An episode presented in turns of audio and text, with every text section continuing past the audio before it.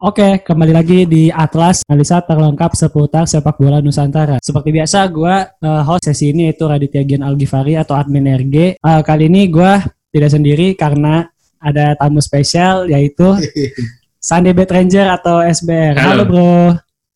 Halo. Dan Mas Halo teman-teman. Ya. Salam kenal ya. Salam kenal. Sama satu lagi ada nih teman sekarib gue yaitu Bang Apis atau Bang Zif. Halo, halo Bro Esber. Halo, halo. By the, by the way nama nama gue Wendy ya, panggil aja Wendy. Jadi uh, pada sesi kali ini gue Bang Apis dan SBR akan berbicara soal tim nasional Indonesia, khususnya di era Sintayong ini ya. Kita bakal ngobrol-ngobrol soal timnas apa? Soal trivia timnas, soal Sintayong juga dan filosofi yang mungkin akan ditanam oleh dia. Jadi Buat kalian yang penasaran, kita langsung mulai aja. Let's go.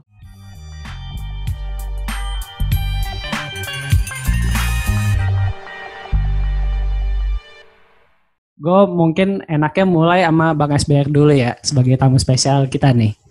Uh, Mas SBR, gue pengen nanya deh. ya. Pengalaman lu soal menonton timnas dalam 10 tahun terakhir ini bagaimana? Terakhir ke GBK itu kalau nggak salah waktu Thailand yang lagi rame-ramenya itulah tahun berapa gue lupa juga. Terus setelah itu udah nggak terlalu ngikutin gitu. Baru kemarin uh, Simon juga baru ngikutin lagi gitu.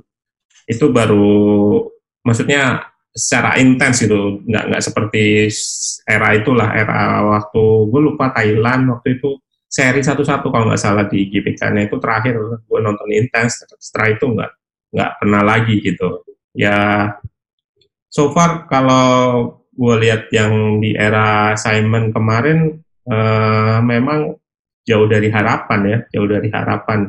Cuman dari sisi taktikal sih sebenarnya Coach Simon cukup cukup ini ya, cukup, cukup ada ada lah taktiknya gitu. Maksudnya kelihatan gitu kayak kemarin main mainin mana hati di back gitu. Terus waktu lawan Thailand juga main zonal marking itu uh, sebenarnya kelihatan memang nggak berhasil aja sih, tapi hasilnya nggak bagus itu. Masalahnya itu kita kita di Indonesia ini tuntutannya hasil itu tuh itu yang hmm. yang agak sulit sebenarnya buat buat pelatih pelatih yang timnas sekarang gitu.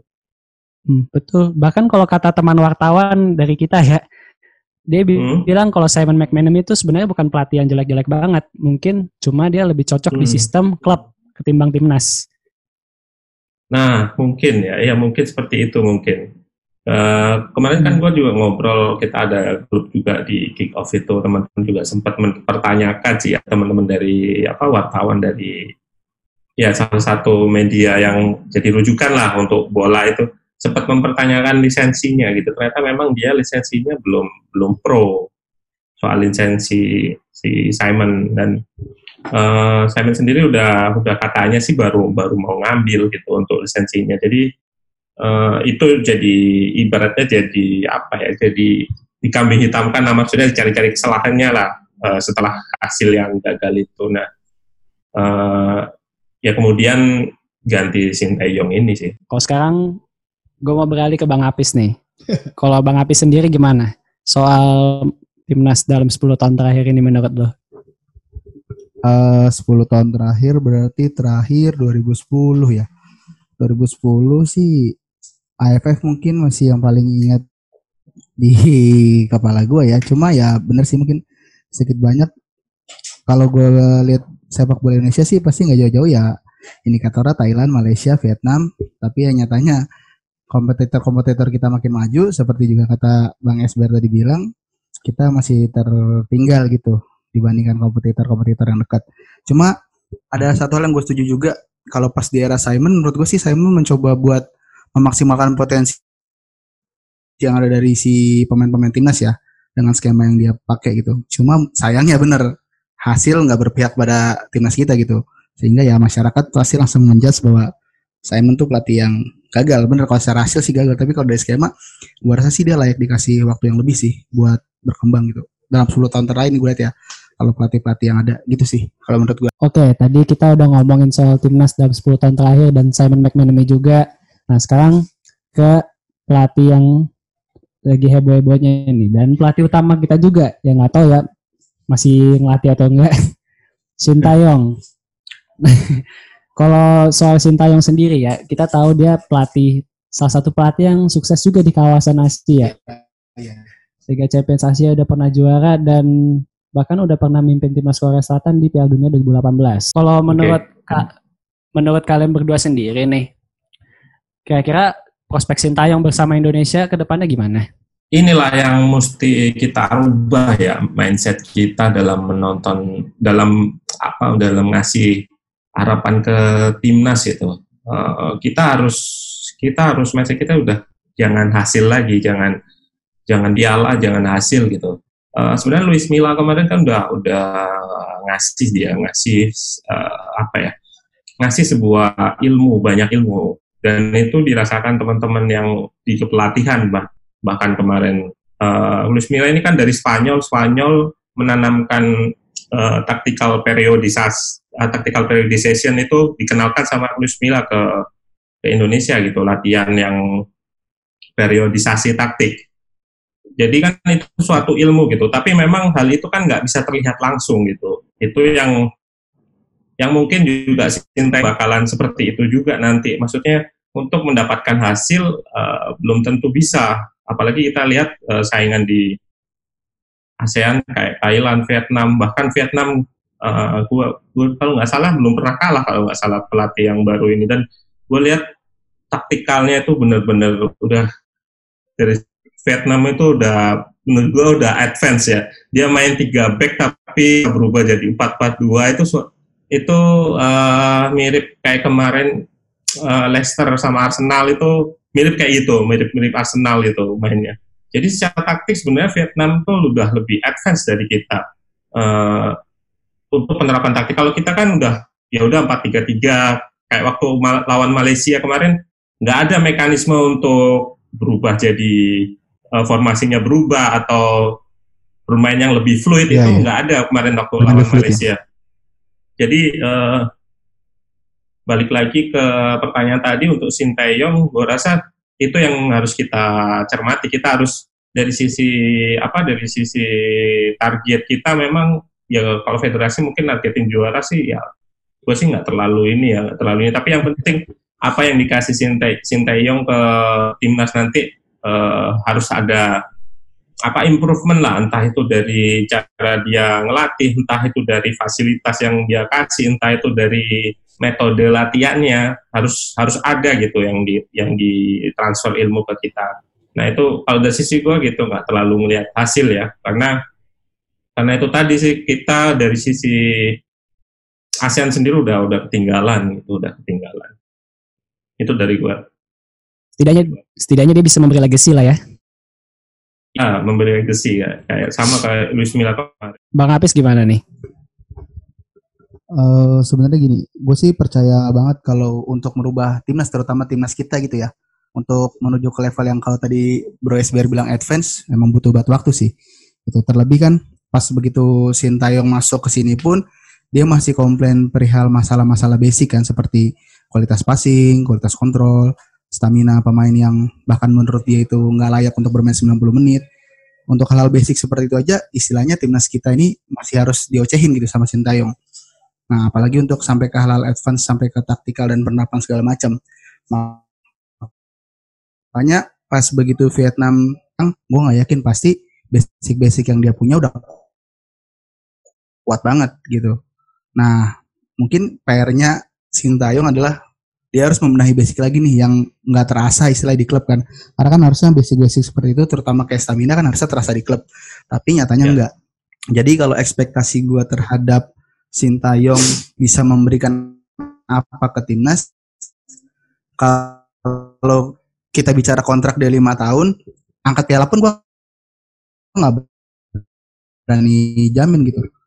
Pesaing paling dekat kita aja deh, kita bisa bilang Malaysia gitu. Malaysia kemarin di GBK permainan luar biasa banget gitu, main satu babak gitu. Babak kedua benar-benar Malaysia mendominasi, bermain enak banget, ritmenya pakai ritme mereka, ya kita kalah di kandang sendiri gitu. Nah, ya makanya menurut gue sih sama hampir sama kayak Brasber. untuk ekspektasi hasil ya dalam artian trofi ataupun meraih kemenangan di kejuaraan goyang apa pun dalam waktu dekat ini sih enggak. Tapi kalau untuk membentuk suatu yang kita bisa bilang filosofi mungkin bisa jadi. Tapi ya itu butuh waktu yang cukup lama gitu. Bahkan Luis Milla pun yang terbilang sebentar aja filosofinya sudah ada. Cuma kan akhirnya ya itu ketika pelatih diganti akhirnya bongkar pasang lagi yang ada filosofi timnas nggak terbentuk gitu sih kalau menurut gua. Iya. Oke, kayaknya kita udah cukup ngomongin timnas trivianya sama soal Sintayong. Tapi kita mau break dulu. Nah, selanjutnya kita bakal coba berbicara tentang model kepelatihan yang diberikan Sintayong kepada timnas dan juga filosofi yang sekiranya cocok untuk timnas tercinta kita. Jadi buat kalian yang penasaran, stay tune dulu.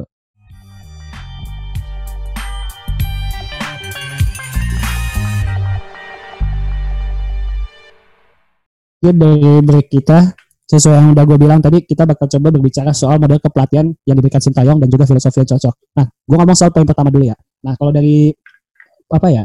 Dari model kepelatihan sendiri ya, Sintayong itu membawa model pelatihan fisik yang bisa dibilang sangat keras. Ya. Berbeda dengan era-era sebelumnya khususnya Luis Milla.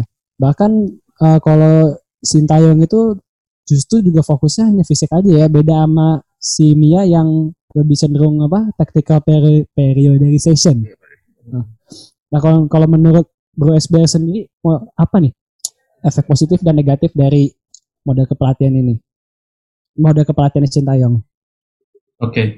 Uh, periodisasi taktik itu sebenarnya untuk short term ya. Artinya kalau kayak seperti di liga-liga yang lagi berjalan gitu. Misalkan seminggu ini lagi ma mau main lawan ini, jadi di situ udah ada semua aspek gitu. Misalkan ada aspek dribbling bola, terus ada lari cepatnya di situ. Jadi di situ udah ada aspek fisik, aspek uh, teknikal, bahkan mungkin ada taktikal juga. Jadi uh, menggabungkan semua ini dalam satu sesi latihan. Itu itu konsepnya, konsep dasarnya periodisasi taktik ya. Nah, kalau Sintayong kan enggak dia. Dia dia maunya fisik terpisah gitu. Kemungkinan besar ini karena memang uh, apa ya dia ngerasa bahwa basic kita, basic fisik atau stamina kita ini sangat kurang gitu. Jadi untuk diterapkan seperti itu nggak bisa gitu. Makanya dia mau uh, naikin level fisik dulu yang menurut dia sangat penting dan kalau gue lihat dari pertandingan dia Korea lawan Jerman itu demand fisikalnya sangat tinggi gitu, demand stamina sangat tinggi bisa jadi wajar itu wajar dia dia bermain apa seperti itu gitu untuk untuk anuin stamina kita karena kita juga tahu bahkan penonton awam pun tahu gitu uh, timnas tim kita kecapean gitu di menit sekian udah kecapean itu udah kelihatan makanya uh, uh, dia mau full di itu dulu buat naikin naikin ini sih endurance kita biar bisa sampai 90 menit gitu seperti itu sih. Nah, kalau soal fisik ini agak unik ya dari Sintayong standarnya cukup tinggi karena selain fisik stamina, postur badan pun juga jadi perhatian besar. Contohnya adalah waktu iya. Piala Dunia 2018 kemarin, kiper utamanya yaitu Kim Seung Gyu yang notabene hmm. udah jadi kiper utama selama 4 tahun itu justru jadi cadangan. Iya. Yeah. Penggantinya si ini, siapa tuh rambutnya ubanan itu? ya pokoknya itu dah. Alasannya adalah karena postur, postur. ya alasannya adalah karena kiper ketiganya itu punya ting punya postur yang lebih tinggi daripada si kiper utamanya itu. Beda padahal beda 2 cm doang. Iya. Kalau menurut SBR sendiri soal itu gimana? Udah, jadi jadi sisi postur itu sebenarnya juga nggak nggak jadi alasan ya karena uh, kemarin kita lihat uh, Korea Selatan sendiri ya kita tahu posturnya kalah jauh dengan Jerman seperti itu bisa mampu mengalahin. Memang nggak bisa sih kita ber, berpatokan sama satu pertandingan aja, tapi kita lihat di sini hal-hal uh, yang udah disiapkan sama Sintayong seperti bertahan bertahan dengan zonal gitu. Kita lihat ada lima pemain yang bertahan zonal untuk corner sendiri atau untuk set piece sendiri. Jadi untuk ukuran postur sebenarnya harusnya nggak nggak jadi masalah gitu nggak jadi masalah. Karena gue pernah baca artikel dari coach Rohmat juga yang ngikutin U19 Indra Safri. Dia analisnya Indra Safri pernah analisis juga soal cara defending U19 yang yaitu dari intinya sebenarnya dari defending untuk ngalahin postur itu perlu timing yang tepat juga gitu. Jadi uh, ada momen untuk untuk melihat arah bola terus uh, berhenti sejenak terus melakukan apa? lompatan itu harus ada timing yang tepat memang selain postur itu juga sangat berpengaruh gitu kalau menurut analisis dia gitu itu aja sih dari dari postur ya. Kalau menurut Bang Api sendiri gimana nih? Kan tadi kan SBR udah memberi tanggapannya tapi kalau Bang Api sendiri gimana? Ya kalau gue sih sama kayak penjelasan gue yang tadi pertama tentang ekspektasi kita ke Sintayong ya. Di mana kalau visi kita masih lemah apa pun yang strategi jangan strategi deh sampai ke teknik dasar pun gua rasa nggak bakal sanggup gitu untuk kita jalankan apalagi dalam waktu 90 menit. Contoh nyata kemarin seperti saat menghadapi Malaysia ya skor akhirnya berubah jadi cukup telak gitu kan. Jadi di babak kedua terutama.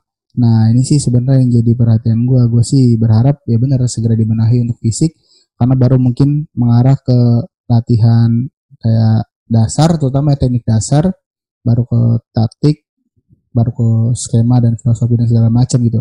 Tapi cukup sanksi sih gue melihat harus latihan teknik dasar di skala timnas gitu kan iya jangan makanya gue nggak berharap lebih sih kita bisa menerapkan skema apa yang Korea terapkan bisa untuk mengalahkan Jerman gitu kalau untuk dari segi postur ya secara postur memang Korea lebih bagus ya dibanding Indonesia gitu lebih menunjang gitu. Tapi gue sih menyadari bahwa sebenarnya defender-defender kita ada beberapa yang memiliki postur yang bagus gitu kan, terutama dari segi defender. Cuma kalau dari attacker sih gue rasa nggak terlalu butuh postur-postur yang bagus itu, timbang ketimbang harus duel-duel terus mending kita manfaatin kecepatan sama wabah daerah aja sih itu menurut gua. Oke. Sekarang gue mau lanjut lagi nih. Tadi kan kita sempat udah singgung soal fisik maupun postur badan atau stamina, tapi gue sekarang mau nyinggung soal susunan timnya. Bisa filosofi, bisa formasinya. Nah, kalau menurut Bro SBR sendiri ya, untuk filosofi yang sekarang, yeah. Sintayong kan udah bilang kalau melawan uh, tim ASEAN, dia bahkan bermain full attacking. Tapi jika bermain yeah. di level Asia, dia bakal bermain lebih pragmatis. Tapi kalau menurut Bro SBR sendiri, apakah melawan tim ASEAN yang bisa dibilang levelnya udah meningkat, men menyerang adalah opsi yang bagus? Hmm, uh, perlu perlu kita apa pilah lagi ya, pilah lagi uh, lawan siapa gitu. Seperti kemarin Simon McManamy lawan Malaysia coba attacking gitu, coba attacking dan parahnya sih Indonesia waktu itu kalah high pressing dari dari Malaysia. Jadi semenjak dari awal tuh Malaysia ngelakuin pressing yang benar-benar intens yang mana itu nggak ada di level klub gitu. Level klub itu belum ada yang main se high pressing seperti Malaysia. Jadinya uh, tim para back terus pemain tuh jadi apa ya? Jadi kaget dengan pressing. Gue lihat cuma satu kali momen Hansa Muyama itu coba ngelewatin ngelewatin first line pressingnya Malaysia. Selebihnya nggak ada gitu. Selebihnya nggak. Nah yang kedua dia lawan Thailand. Nah ini yang Thailand ini dia coba bermain reaktif si Simon. Menurut gua pem, uh, udah bagus sih. Cuman karena waktu itu golnya itu lebih lebih kesalahan individu kalau nggak uh, nggak nggak organisasi ya. Tapi secara organisasi gue lihat tuh bagus sekali dia zonal marking rapat sekali hampir mirip kayak kayak cara bermainnya Atletico gitu kalau gue lihat. Nah, eh, gimana yang cocok masalahnya ketika counter juga Indonesia nggak nggak nggak bagus waktu itu penyelesaian akhirnya gitu. Nah ini kalau gue rasa sih eh, kalau di level yang lawannya udah bagus seperti Thailand, pendekatan Simon kemarin udah, udah bagus gitu untuk bermain pragmatis atau bermain reaktif football itu ya. Itu udah bagus, tapi ya masalah ini lagi uh, kita itu sangat bertumpu sama striker gitu, striker untuk mencetak gol.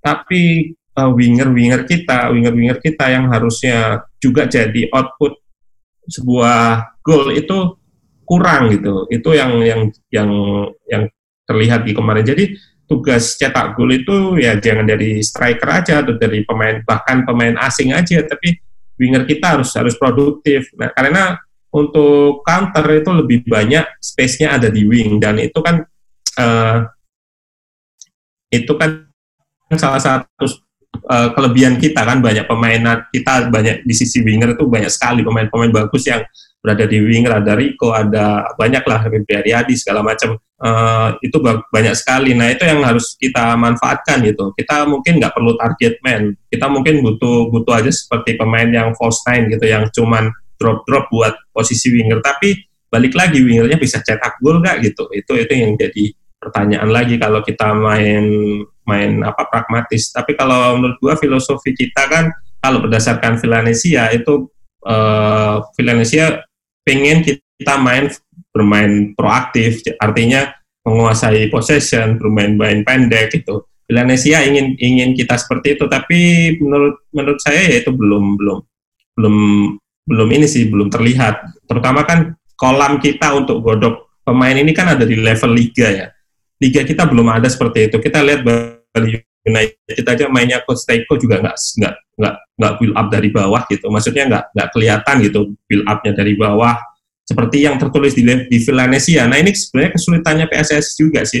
Dia udah ngasih Villanesia, ngasih filosofi, tapi ketika di liga nggak dipakai itu karena pemainnya pelatihnya pelatih pelatih asing gitu. Pelatih asing kenapa nggak mau pakai Villanesia? Karena dia ditarget hasil juga gitu. Kalau nggak kalau nggak berhasil ya dia ancamannya dipecat gitu. Itu yang jadi sebuah problem kita sih, problem kita uh, sangat apa ya berurutan gitu Paul Jadi kompleks sekali masalah masalah di liga kita.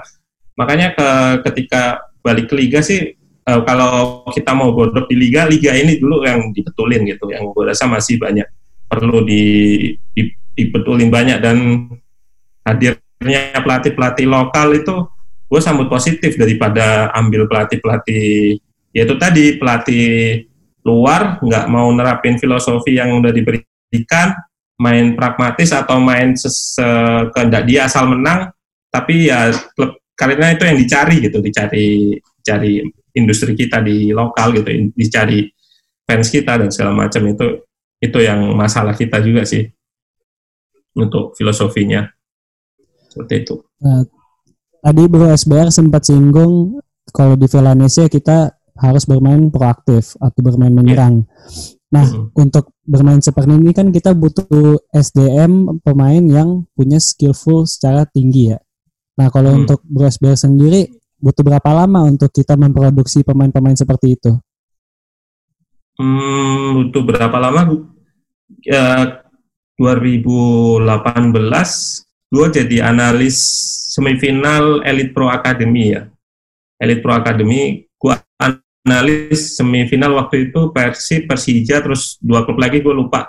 Itu kan kalau nggak salah juaranya Persib. Nah itu uh, Elite Pro sekelas U18 waktu itu udah udah ada oh Bali United ada satu Bali United. Nah Bali United ini mainnya mainnya direct gitu Bali, Bali United direct. Nah yang main uh, build up Persija sama Persib gue rasa secara di, di apa di level junior udah ada pondasinya udah ada pondasinya balik lagi kita kalau pemain junior masuk ke kolam Liga 1 nggak nggak digodok lagi. Itu itu masalahnya gitu. Kolam kolam kita ini nih.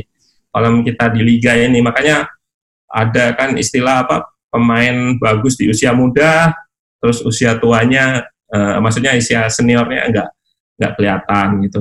Ya karena itu tadi kolam kita nggak nggak nggak itu bukan bukan tempat bagus untuk untuk improvement para pemain gitu. Jadi makanya gue bilang uh, sangat kompleks sih masalah di kita kalau kalau seperti ini. Makanya gue nggak tahu dengan dengan apa program Garuda untuk keluar itu bisa nggak berefek gitu. Kalau memang berefek gitu dengan dilawankan tim-tim luar itu kan uh, jadi dia atmosfernya yang ikut.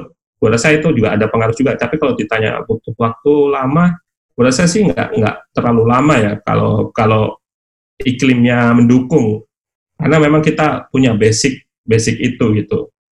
Basic itu. Tapi untuk dalam jangka dekat gue rasa uh, masih sulit. Kayaknya untuk segmen ini cukup di situ aja ya.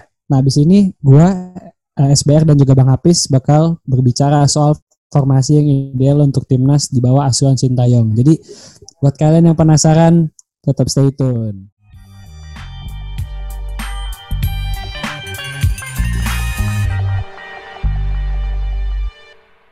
Oke, kita balik lagi di sesi Atlas atau analisa terlengkap seputar sepak bola Nusantara. Nah, sekarang kita di sesi terakhir nih. Tadi sempat gue singgung ya, gua, Bang Apis dan SBR akan berbicara soal formasi yang ideal untuk timnas di era Sintayong. Nah, kalau dari SBR dulu deh, gue pengen nanya. Untuk posisi kiper nih, kalau Mas SBR sendiri, siapa kiper yang paling potensial mengisi posisi timnas? Nah, gue rasa yang kemarin siapa dari Persija itu udah bagus sih Andri Tani. Terus satu lagi yang uh, gue nggak terlalu ini sih pe- pemain-pemain yang ini, tapi gue lihat Andri Tani dia punya commanding area yang yang bagus meskipun ya banyak yang bilang uh, sering delay bola.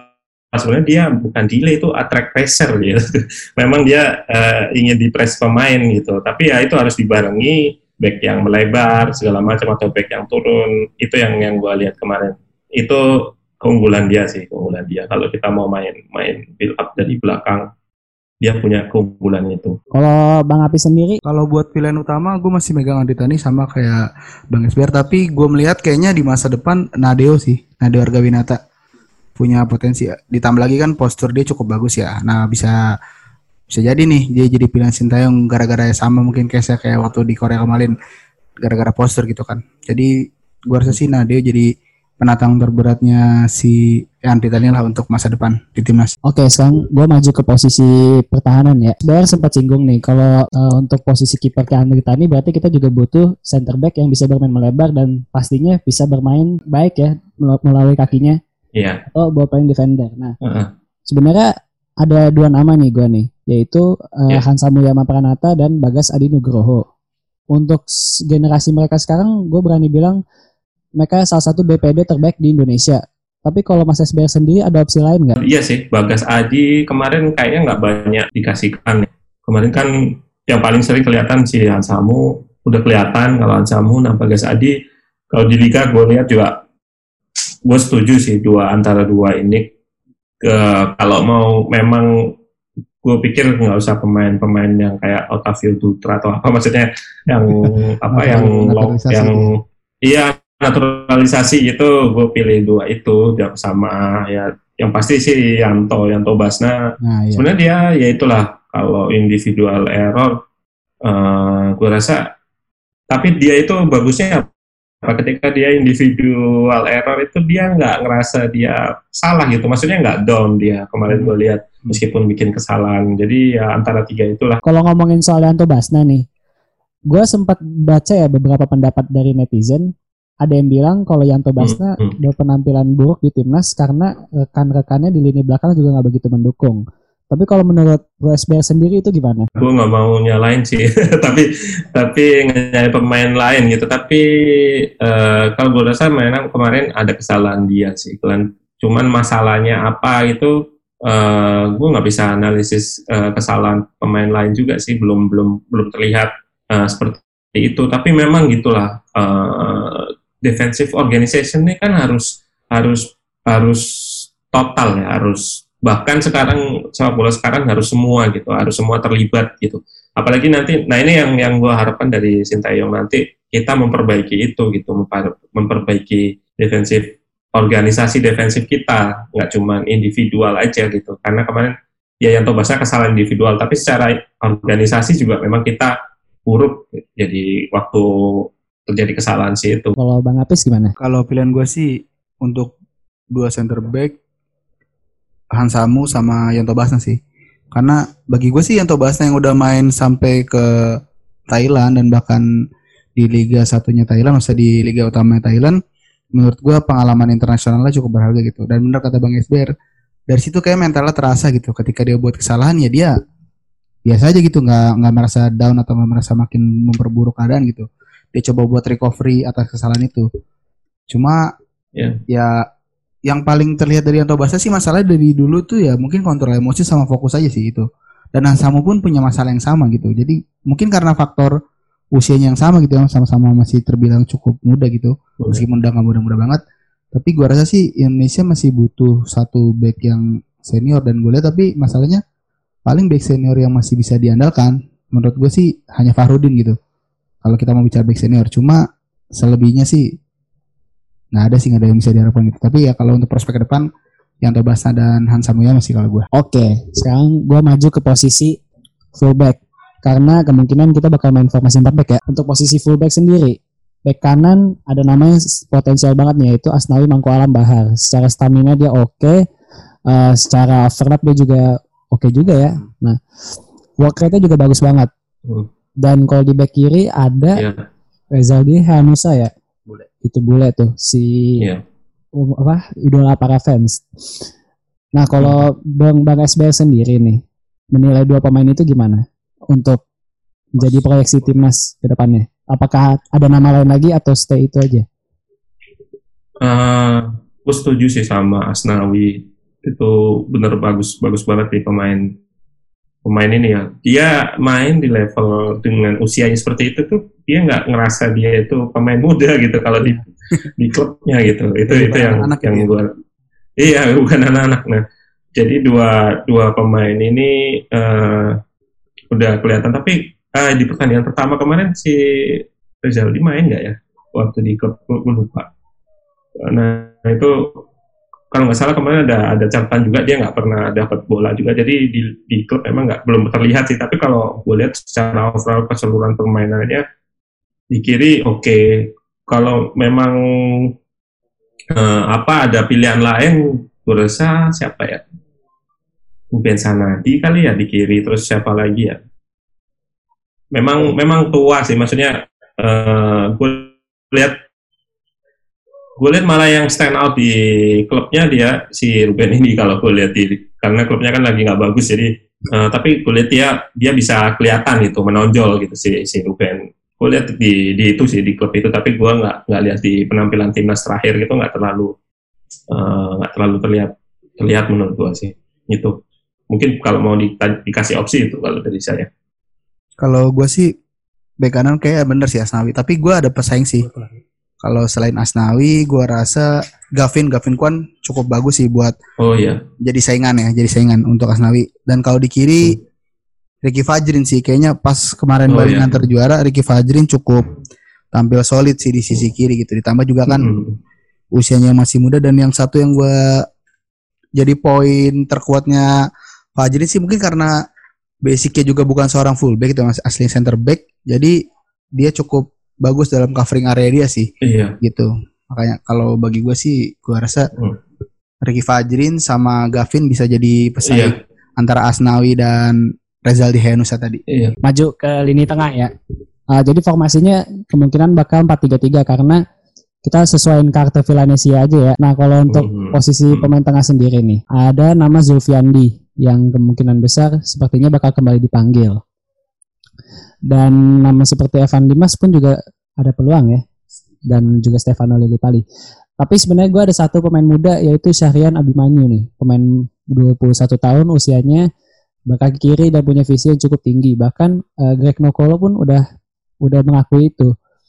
Nah kalau Mas SBR sendiri menilai Syahrian Abimanyu itu bagaimana? Dan apakah pastinya ya ada nama lain yang bisa Mas SBR rekomendasikan? Kalau Syahrian sih gue memang lihat cukup mobile ya. dia mobile terus work rate udah bagus sih tapi memang men- menurut gue masih masih kurang matang aja kurang dimatangkan aja dari dari sekarang kalau gue rasa siapa pun pemainnya tinggal apa ya mengkombinasikan di formasi itu. Kalau masalah masalah kita sekarang gitu misalkan mau mau pakai Evan Evan Dimas Evan Dimas mau ditaruh di pivot terakhir atau di nomor 8 atau nomor 10-nya atau itu itu yang yang yang jadi jadi jadi PR sih sebenarnya buat buat buat kita nanti. Karena eh, itu Evan Dimas tetap butuh support gitu tetap butuh protektor kalau kalau menurut gue dari sisi defending. Nah inilah yang gua gue lebih concern ke sana dari dari pemilihan pemain ya jadi sebelum milih pemain juga harus komposisinya harus tepat juga di tiga kalau main menggunakan tiga ya siapa aja sih tiga ini itu itu yang harus perhatiin juga Kalau ada Bang Apis, bagaimana? kalau gue mungkin lebih senang dengan lebih lebih pol- ya sebenarnya formasi shape itu kan fluid ya di pertandingan mungkin 4-2-3-1 lebih logis gitu. Dengan dikonversi jadi 4-5-1 kalaupun milih orang gelandang gue pilih Zulfiani sih pasti. Gue udah cukup lama gitu meni- uh, mengikuti dia jadi gue cukup tahu dan dia cukup layak. Dan bahkan Luis Milla pun bilang dia salah satu pemain yang punya kelas yang berbeda gitu kan. Bahkan kalau Mila bilang kalau ketemu Zulfiandi di usia yang lebih muda lagi, kayaknya dia mau bawa Zulfiandi untuk jajal trial di Spanyol gitu. Evan Dimas gue rasa masih tetap masuk dan mungkin di posisi attacking midfield Stefano Lipali kayak cocok karena bisa jadi shadow striker juga sih menurut gue Lipali. Jadi mungkin untuk sepertiga akhir atau yang mungkin kayak masalah finishing dan end product bisa dikasih ke Lipali dan Evan Dimas juga tercover untuk defense tadi dari Zulfiandi itu sih kalau dari gua. Sekarang kita beralih ke lini depan ya. Nah tadi Mas SBR sempat singgung kalau Indonesia sebaiknya bermain dengan skema false nine ya tadi ya. Kalau memang main counter jangan pakai target man gitu. Tapi nyatanya striker-striker di Indonesia rata-rata kalau yang gue lihat ya bertipe uh, poacher atau enggak white forward ya bang ya. Iya. Tipe-tipe kayak Dedi, Dedi Setiawan atau Iya. Ba- uh, Beto, Bagus Kapi. Nah tapi untuk lini depan sendiri nih. Kalau untuk Hmm. nama-nama false nine yang cocok di false nine maksudnya ya. Siapa nama yang bisa SBR berikan atau SBR saranin? Belum ada sih kalau buat saya. Paling dulu kita tahu si siapa itu yang udah tua siapa namanya Yang mana? yang terakhir di PSIS. Lupa.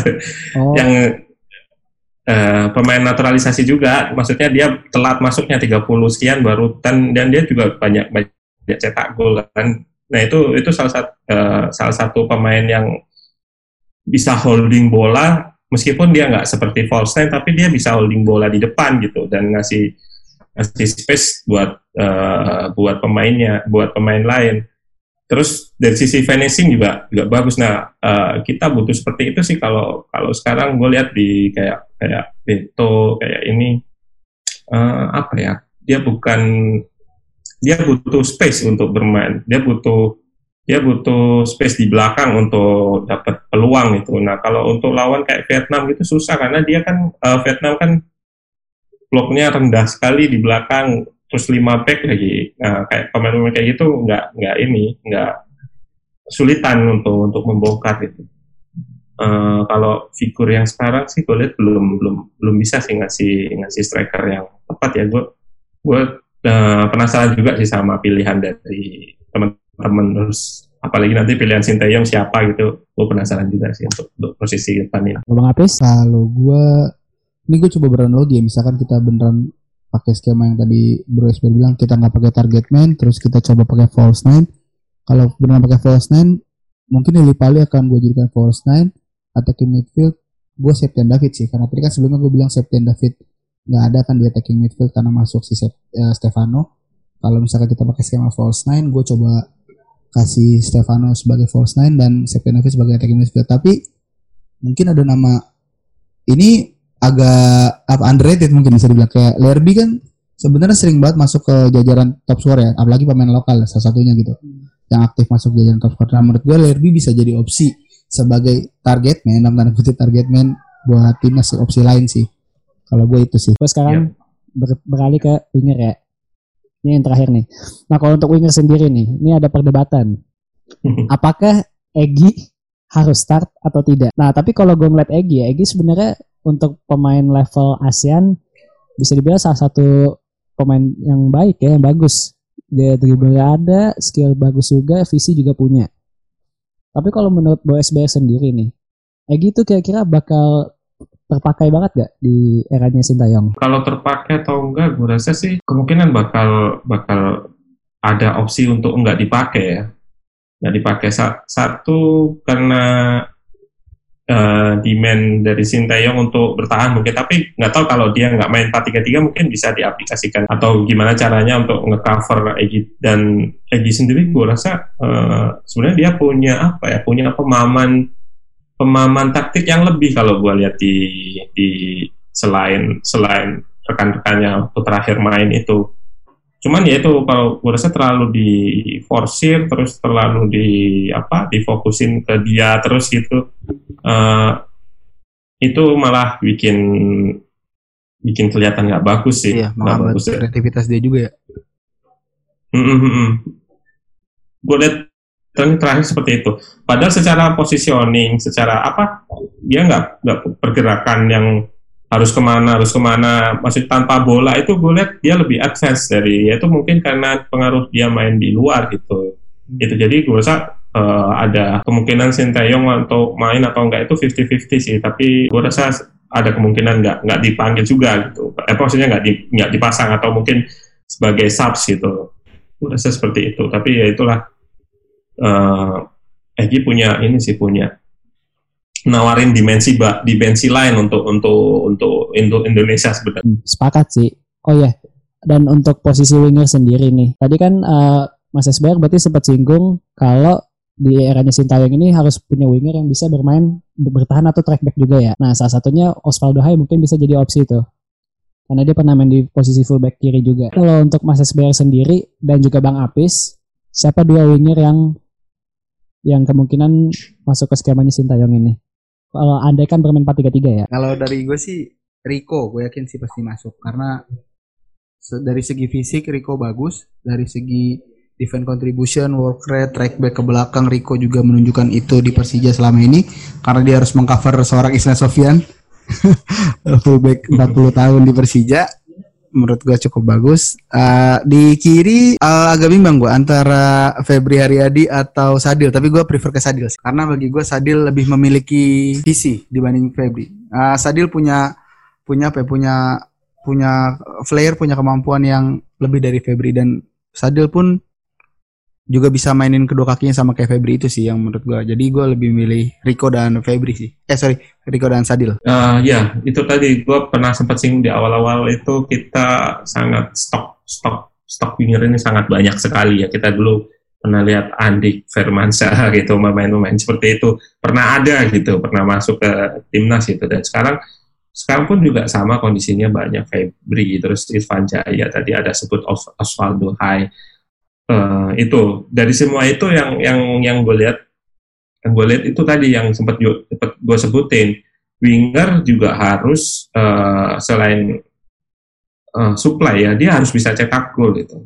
Itu yang yang yang gue lihat kurang. Tapi di pertandingan Persija awal Rico nunjukin itu itu dengan bagus. Jadi di kanan sih gue pasti uh, setuju sih untuk Rico tapi di kiri memang masih jadi masih jadi perdebatan Osvaldo bagus, Sadil juga Sadil juga bagus itu. Tapi uh, gua ada poin-poin ini untuk Sadil untuk bermain kolektif lebih kolektif lagi. Gua ada catatan seperti itu untuk untuk untuk Sadil ya. Uh, kemudian Osvaldo Hai, Osvaldo Hai, gue rasa dia uh, pemain yang versatile ya, bisa bisa bisa di kiri kanan, defensif kontribusinya juga ada gitu. Tinggal apa ya Indonesia ini nggak punya sistem defending yang yang yang yang apa dibangun secara tim gitu. Uh, main main main high pressing tapi nggak sekedar pressing gitu. Seperti kita contoh lah yang udah advance itu seperti Liverpool, RB Leipzig gitu, udah udah udah advance gitu. Dan salah satu tim ASEAN yang kelihatan seperti itu kemarin Malaysia bahkan kelihatan main mau mau nyobain nerapin high pressing. Meskipun gue rasa dengan skill individu pemain Indonesia bisa dilewatin gitu tapi kemarin kenapa nggak nggak nggak berani eliminasi? Itu aja sih yang bisa salin kemarin waktu awal Malaysia.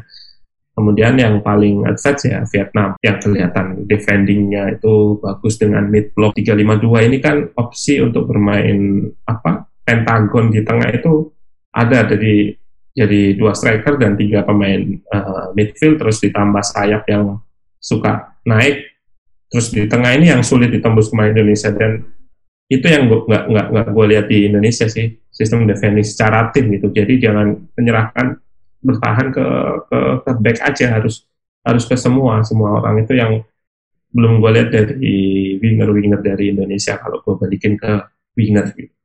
Itu aja sih. Kayaknya di pembahasan kita bertiga kali ini cukup sampai sini aja ya. Untuk Mas SBR, uh, gue Raditya Gian sebagai host mau mengucapkan terima kasih sudah mau hadir di sesi Atlas. Oke, sama-sama. Terima kasih juga sama Bang Apis atau Bang Zips sudah mau menjadi partner gue. Makasih Bro SBR udah mau bareng sama kita. Yo, makasih sama-sama udah diundang di Savage. Semoga konsisten dengan ngasih apa konten-konten yang berbeda lah dari dari yang lain gitu untuk memberikan insight yang yang lain buat buat buat para hmm. pendengar nih atau yang lagi nonton. kami terima kasih. Oke. Okay. Yes. Well, gue Raditya Gian Algifari. Uh, eh, pamit sampai sini aja. Bang Apis, Mas SBR juga pamit. Yep. Sampai jumpa di sesi Atlas selanjutnya. Bye-bye.